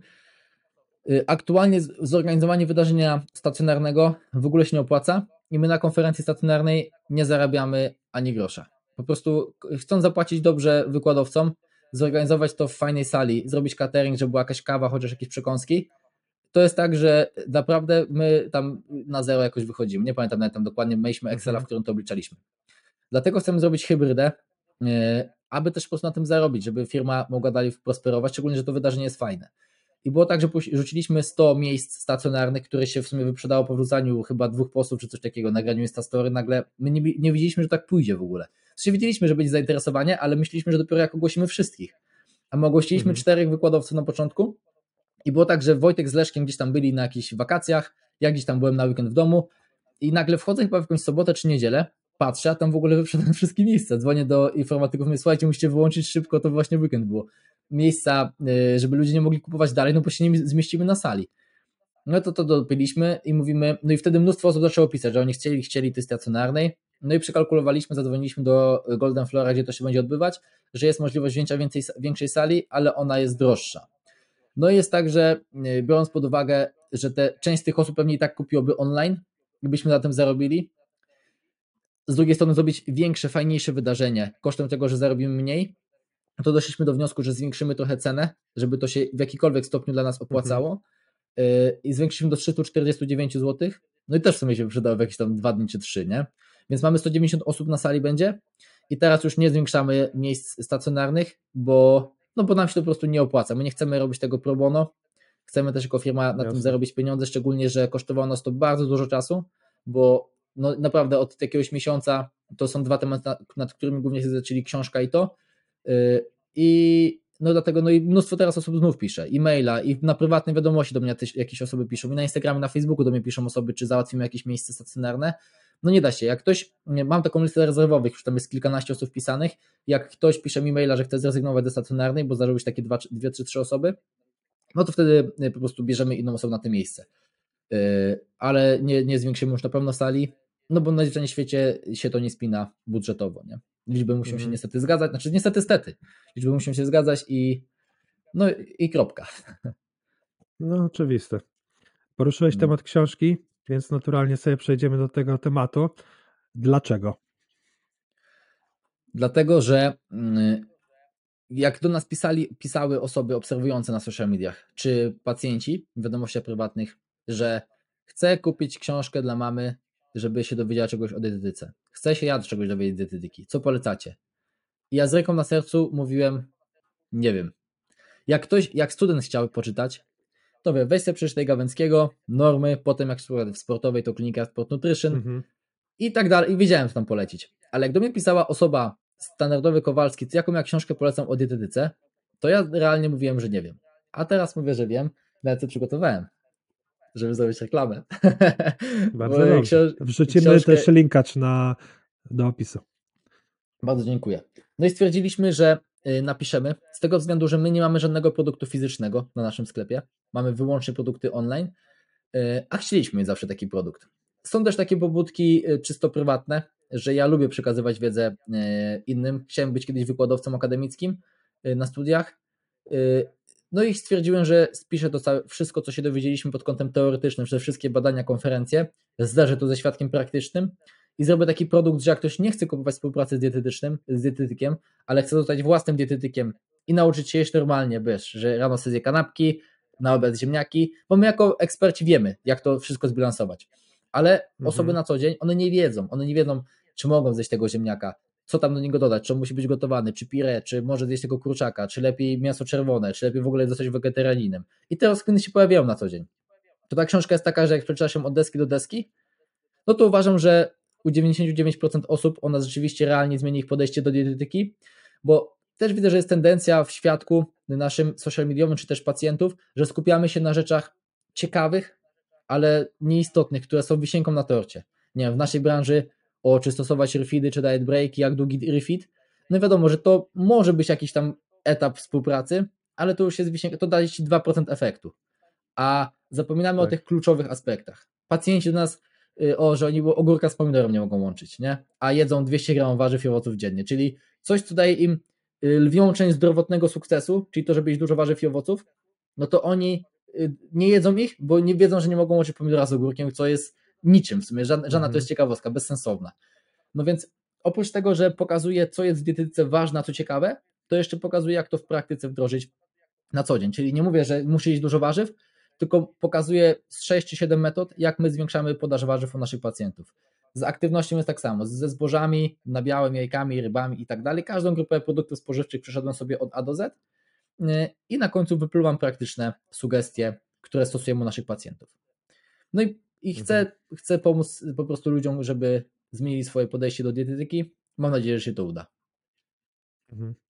Taka rozkminka dla ciebie, bo widziałem, że nakład z autografami to się tak e, wyprzedał, że musieliście dołożyć pulę. I wiem, że byłeś e, z tego powodu zdziwiony. Ale tak się zastanawiam, czy z Twojego doświadczenia i tego, że macie już tylu pacjentów, takie zasięgi i już sprzedaliście nie jeden produkt, to na ile to było takie, wiesz, zdziwienie, że aż tak na maksa, a na ile się spodziewaliście mniej więcej takiego efektu? To ja ci powiem tak, że my planowaliśmy sprzedać 1000 książek w miesiąc, a sprzedaliśmy 2000 książek w półtora dnia. No więc to było wow na maksa, nie? Że my Mhm. sprzedawaliśmy głównie droższe produkty. Y, To jest najtańszy produkt u nas w sklepie. U nas mieliśmy też jakieś e-booki, które też się dały bardzo dobrze, ale głównie mamy właśnie diety, które są drogie. Są najtańsza dieta kosztuje ponad 4 razy więcej niż książka i kursy, które kosztują z 10 razy więcej niż książka. I powiem wprost, że dla Mhm. nas książki, dla nas y, y, kurs, mój kompleksowy kurs y, ten co pierwszy o treningu siłowym, który wydaliśmy, Tak, tak. to on zarobił pewnie z 8 razy więcej niż książka do tej pory zarobiła. Tylko, że Mhm. liczbowo jest to mniej, mniej tych kursów sprzedaliśmy niż tej książki teraz. Więc nas przytłoczyło trochę to, tak w pozytywnym tego słowa znaczeniu, że yy, tak dużo osób kupiło tę książkę. Po prostu nie, nie byliśmy do tego przyzwyczajeni, bo wydawaliśmy droższe produkty, które kupuje mniej osób. Yy, zarobić z tego zarobiliśmy więcej z tych poprzednich, ale ta skala, to, że ludzie do nas pisali, moja mama dostała kilkanaście wiadomości od jakichś koleżanek z, ona ze wsi tam, nie? że widziały na Facebooku i to było po prostu, do mnie telefony, wiesz, dzwoniły i, i naprawdę żyłem tylko tym przez kilka dni, że to było dla mnie takie niecodzienne i no nawet też Altenberg, u którego wydawaliśmy, też się nie spodziewał tak dużej sprzedaży w tych pierwszych dniach, więc to było szczere takie. Ja powiem Ci, że my w sumie nie, nie zdarzyło nam się y, udawać czy emocji, czy, czy kłamać odbiorców w takich rzeczach, że na przykład o zróbmy tak, że damy tylko 2000, a potem dorzucimy 1500 i powiemy, że się nie spodziewaliśmy, że podkręci sprzedaż, to nigdy tak nie zrobiliśmy. Staramy się być transparentni, bo uważamy, że to jest najważniejsza wartość w social mediach aktualnie.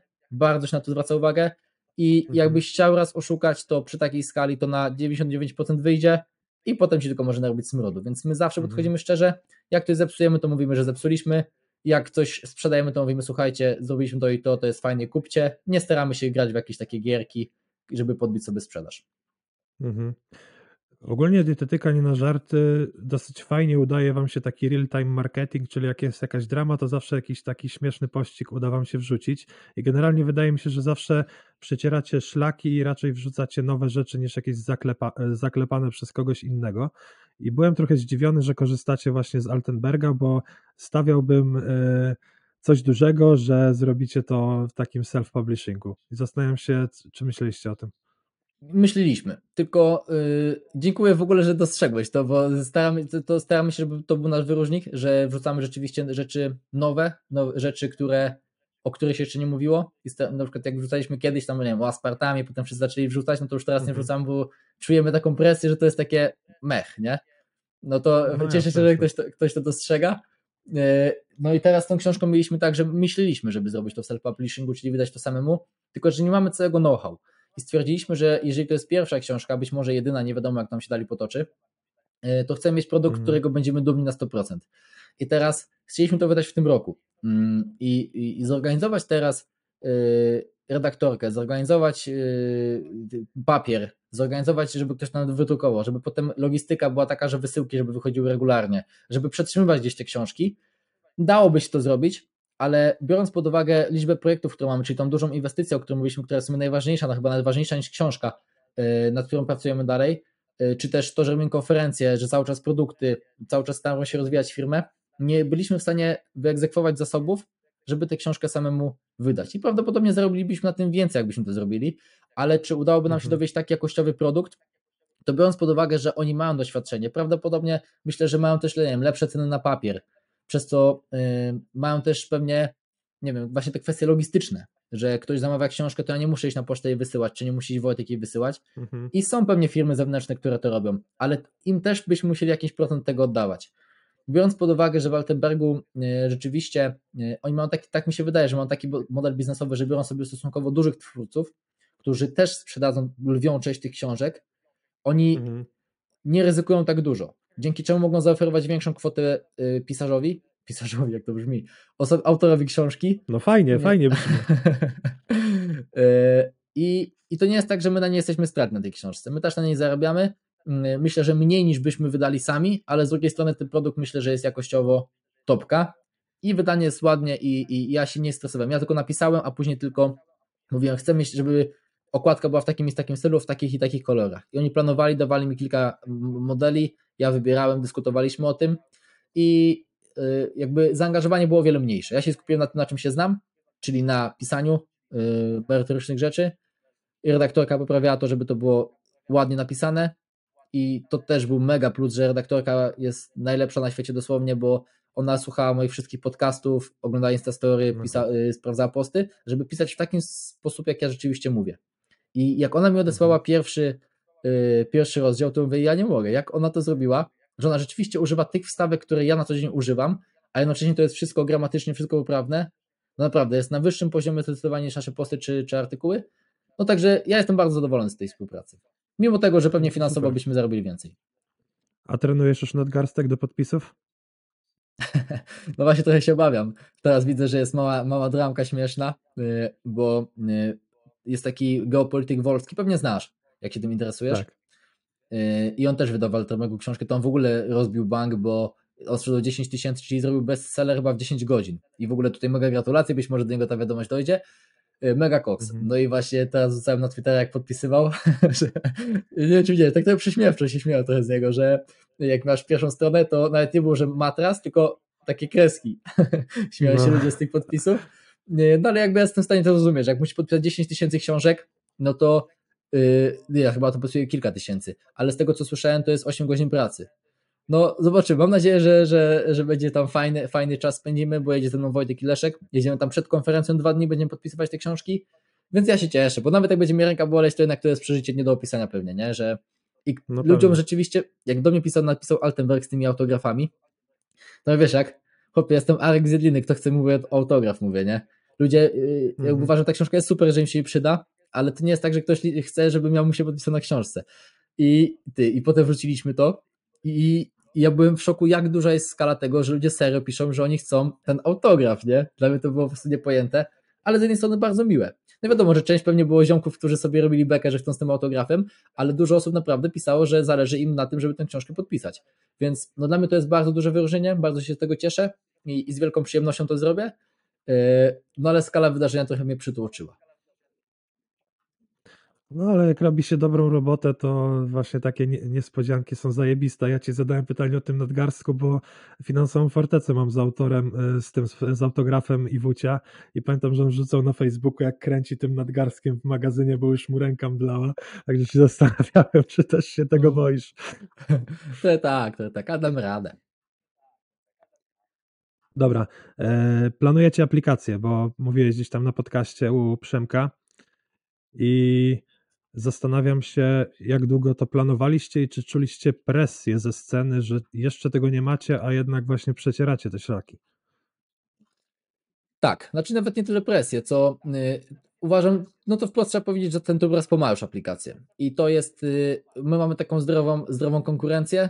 Znamy się z wieloma osobami, które pracują u nich firmy, znamy się z Michałem i no chyba to nie jest tajemnica, że oni część rzeczy biorą od nas, my część rzeczy bierzemy od nich, y, wprowadzamy, testujemy i to Mhm. jest taka wzajemnie napędzająca się machina i ja się ekstremalnie cieszę, że to jest w takich relacjach robione, że my jednocześnie się możemy z tego pośmiać, i, a z drugiej strony rzeczywiście to rozwija obie firmy.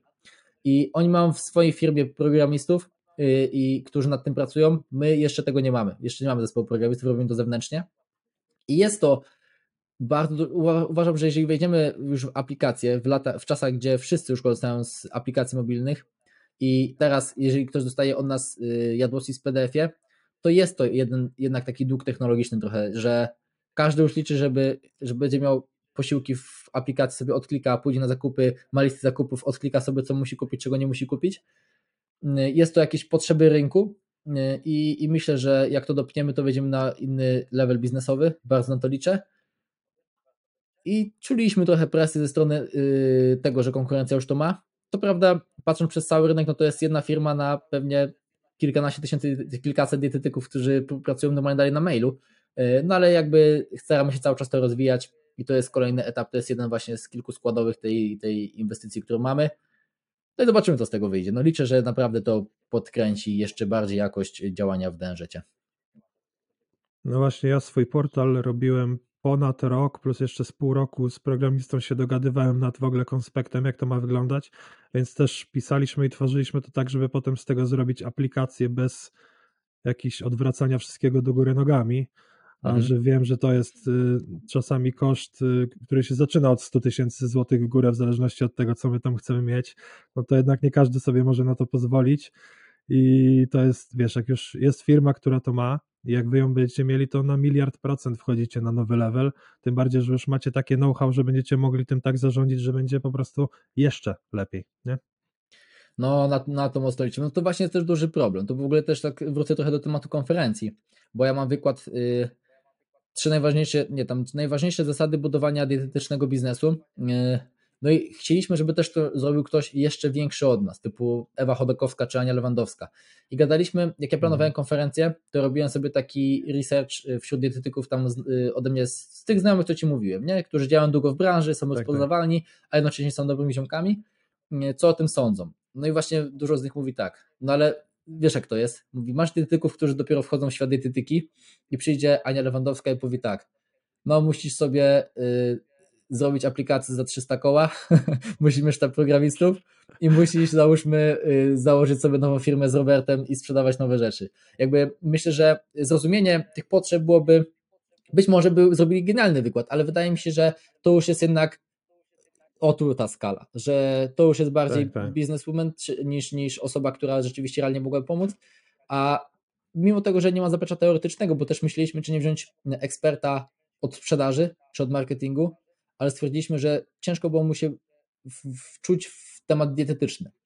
Yy, Mało myślę, że jest osób, które zajmują się pomaganiem w sprzedaży firmom dietetycznym, to dlatego stwierdziliśmy, że to zrobię ja i postaram się przejść taką ścieżkę, jak jeszcze y, na dziś, jak ktoś jest studentem, to w naszej opinii warto robić, jakie są ścieżki, żeby też nie pokazać tylko tak, jak my zrobiliśmy, tylko pokazać, że można sobie, Mhm. nie wiem, współpracę z firmami, mieć załóżmy, pracować w szpitalu, pracować u kogoś, mieć swoją firmę, robić kursy, robić newslettery, robić coś tam, coś tam, coś tam i pokazać plusy i minusy wszystkiego, żeby ktoś, kto będzie słuchał, żeby się w tym odnalazł i przejść przez takie etapy, jak potem zatrudnia się kilka osób, aż do momentu, gdzie zarządza się z taką firmą jak nami, no bo to obejmuje 99,99% rynku.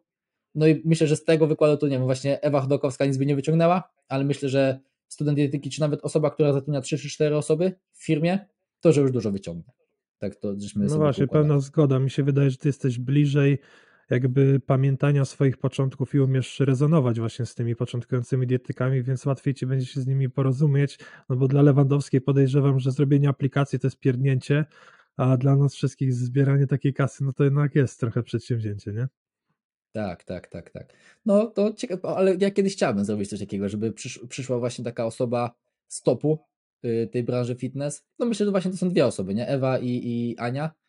I żeby one przedstawiły swoją perspektywę, że to na przykład mi pewnie bardzo mocno by otworzyło głowę, nie? Być może osobę, która dopiero zaczyna by Mhm. przytłoszyło, ale chciałbym kiedyś coś takiego zrobić. Może na kolejnej edycji konferencji, jak to siądzie, uda się do, dopiąć taki, taki wykład. To wie, zobaczymy. Trzymam kciuki. Mhm. Ty też trzymaj. To mam. Trzymam, trzymam za was i obserwuję, ale mam dla ciebie właśnie taką rozkminkę a propos mojego podcastu. Bo ja ogólnie mój podcast, powiesz mi swoje zdanie, co o tym sądzisz, i przy okazji widzowie też się o tym dowiedzą, bo nie wiedziałem za bardzo, jak to zakomunikować, ale początkowo ten podcast miał być dla trenerów i dietetyków na takiej zasadzie, że zapraszam trenerów i dietetyków, którzy opowiadają gdzieś tą swoją perspektywę branży, ale potem sobie pomyślałem, bo sam to robię, że ja całkowicie wybiegam poza branżę i uczę się od ludzi spoza branży fitness, marketingu, biznesu i tak dalej. Więc stwierdziłem, że będę zapraszał e, specjalistów z innych branż, którzy gdzieś tam specjalizują się w rzeczach, które mogą się przydać w naszej branży, ale mam w głowie ten sam problem co ty, że właśnie jak zaproszę takiego marketera, to jak on to przełoży bez doświadczenia z ludźmi z fitness branży? Ale może mi się uda jakoś tak e, skomponować pytania, że to wyjdzie w miarę fajnie. Jestem ciekaw, czy wtedy będziesz zainteresowany bardziej e, właśnie podcastem, bo chyba nikt w naszej branży tego nie robi. Kozacki pomysł w ogóle. Uważam, że on jest y, lepszy nawet niż to, co robisz teraz, bo myślę, że każdy z nas, y, jak u Ciebie widziałem, był Marek i tak dalej, to ma podobne spostrzeżenia, bo siedzi w tej branży. A Dokładnie. ciężko o innowacje, no bo też y, dietetycy, trenerzy, no śledzą pewnie innych dietetyków i trenerów i obserwują, co tam się dzieje. A jak wchodzi w ktoś nowy i pokazuje Ci nową perspektywę, na przykład, nie wiem, do tej pory pewnie nie było u Ciebie kogoś, kto miał ten newsletter tak jak my, nie? Zresztą nas też by nie było Tak. i wszedłby Adam Pucek i mówi, słuchaj, ja mam taki newsletter, być może coś takiego sobie zróbcie. Opisuj sobie Mhm. badania, opisuj rze- rzeczy ze świata dietetyki, miej płatny newsletter. I to by było coś takiego, mówię, kurde, rzeczywiście dobry pomysł, nie? Więc myślę, że to byłoby fajne, myślę, że sam, słuchał, bo przyznam Ci szczerze, że przy tym natłoku pracy nie da się śledzić wszystkich podcastów w Polsce i myślę, że na pewno z chęcią bym, z chęcią bym posłuchał, jakbyś miał y, gości takich, którzy pozwoliliby mi wprowadzić coś nowego do biznesu. Więc ja No trzymam właśnie, kciuki i myślę, że to jest lepszy, lepszy, lepszy pomysł niż nie zapraszanie dietetyków i trenerów, którzy w dużej mierze się zgadzają i mają do powiedzenia to samo. W tych 80% jeśli chodzi o prowadzenie biznesu, mają myślę, podobne prze, przemyślenia i gdzieś tam szczegółami się czy swoimi przeżyciami różnią. A tutaj jednak ta wiedza Mhm. teoretyczna i, i spojrzenie może być zupełnie inne. Mhm. Dobra, to zmierzając y, ku końcowi, y, zastanawiam się, w jaki sposób, czy w ogóle świadomie podchodzisz do jakiegoś takiego treningu mózgu, bo wiem, że g- grasz w szachy i zastanawiam się, czy świadomie to robisz, żeby właśnie jakąś taką świeżość zachować, no bo wiadomo, że też ci się to podoba, ta gra. Y, Nie, świadomie, w ogóle powiem Ci szczerze, że ja świadomie dla, y, rzadko kiedy argumenty merytoryczne przeważają nad tym, nad moją chęcią do robienia czegoś. Ja myślę, że jak ja bym nie kochał trójboju siłowego, to ja bym nie mógł trenować tylko po to, żeby być zdrowym, bo mnie Mhm. mega kręci rywalizacja, mnie mega kręci takie przełamywanie własnych barier. Im coś jest trudniejsze, im y, coś jest większym wyzwaniem, tym mi daje więcej frajdy i dzięki temu ja to robię. My mamy takie czasem powalone pomysły, że na przykład y, umawiamy się z ziomkami, że słuchajcie, y, ostatnio tak mieliśmy w wakacje teraz, wychodzimy od nas z Jedliny Zdroju, idziemy 100 tysięcy kroków na Śnieżkę, nie? to tam jest prawie 70 kilometrów i wychodzimy minutę po północy i śmigamy. No i takie rzeczy, to wiesz, ja nie robię tego, o, że zrobię sobie 10 tysięcy kroków, nie? tylko robię tego, bo jest jakaś tam zajawka. I tak samo mam na co dzień, jeżeli chodzi o trening mózgu, że y, czy zdrowe odżywianie to już po prostu weszło mi w krew, czy trening, y, aktywność w ogóle fizyczna to mi weszło w krew, czy szachy po prostu dlatego, że lubię. Kiedyś żonglowałem też, co też z tego co wiem to jest korzystne dla rozwoju mózgu, Y, ale jakbym miał robić jakąś rzecz, która, na przykład nie wiem, yoga wydaje mi się czymś takim. W ogóle teraz starałem się, o, o to jest akurat rzecz, którą robię może nie z przymusu, ale bardziej dla zdrowia psychicznego, że staram się Mhm. tak wyciszać, bo, bo jestem bardzo ekspresyjną osobą, taką, którą łatwo wybić, w sensie jak ja pracuję z tobą, to jakby mi ktoś zadzwonił telefon, to wiesz, spojrzenie gdzieś tam, tu zaraz muszę gdzieś iść Tak, coś tak. zrobić, to mnie wybija, no to mam taką aplikację, która, gdzie wieczorem sobie wyłączam coś takiego na wyciszenie. I to robię bardzo nieregularnie, ale staram się to robić, to jest jedyna taka rzecz, że staram się o to zdrowie psychiczne dbać, bo przez ten miesiąc ostatni, czy tam nawet w sumie już półtora miesiąca, y, no to liczba obowiązków i y, w pracy głównie, natłok pracy spowodował, że że trochę uważam, że ten bilans zatracam, nie? Na korzyść jednak pracoholizmu zamiast y, relacji społecznych, Mhm. treningu czy dbania o siebie, nie? Więc to staram się włączyć i to robię nie dlatego, że mi to sprawia przyjemność, bo czasem się nawet stresuję, że leżę 5 minut i nic nie robię, e, ale jednak po tym się czuję fajnie, nie? Także robię to. Super. Ostatnie pytanko mam takie, czy rozkminiałeś, czy y, żałujesz czegoś i zrobiłbyś to lepiej z tą wiedzą, którą masz teraz, co jest takie, nie wiem, było takim fundamentem, że mogłeś coś rozegrać lepiej jakby w waszej działalności? To daj mi sekundę.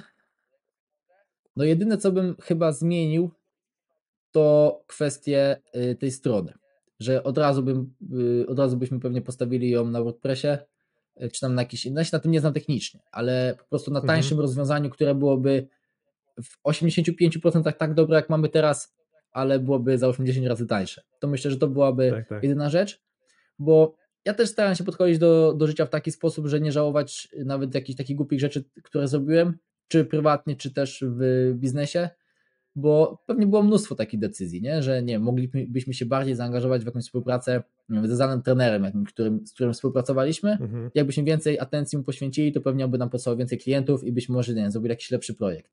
To pewnie takich rzeczy było dużo. Y, Ale jeżeli chodzi o jakąś jedną decyzję, to myślę, że to jest to, że ta strona w sumie jedynie. Bo ogółem jestem zadowolony z tego, jak, jak z historii Danczetu. Przede wszystkim z tych wartości, które są dla mnie najważniejsze, czyli tej transparentności, że nigdy nie świrujemy pawiana, że nie sprzedajemy jakichś rzeczy, które nie działają, że jak się pomylimy, to się przyznamy do błędu i, i ja śpię spokojnie. I mogę sobie patrzeć rano w twarz, jak, jak Mhm. wstaję i z wielkim uśmiechem na twarzy, a nie, że mówię, no zarobiłem 10 koła za reklamę, ale, ale mi to wyżygiwane jest, bo wiem, że to nie działa, nie?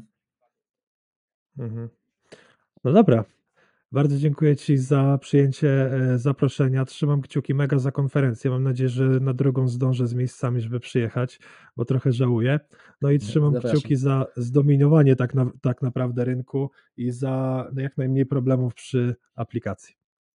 Dzięki wielkie. Bardzo dziękuję Ci za rozmowę. Uważam, że super prowadzisz to i, i masz takie, masz dryg do prowadzenia podcastów, także trzymam kciuki za rozwój y, tego pomysłu, o którym mówisz. I do zobaczenia. Jak będziesz miał 300 tysięcy Dzięki obserwujących na YouTubie. Na razie, cześć. Super, dzięki.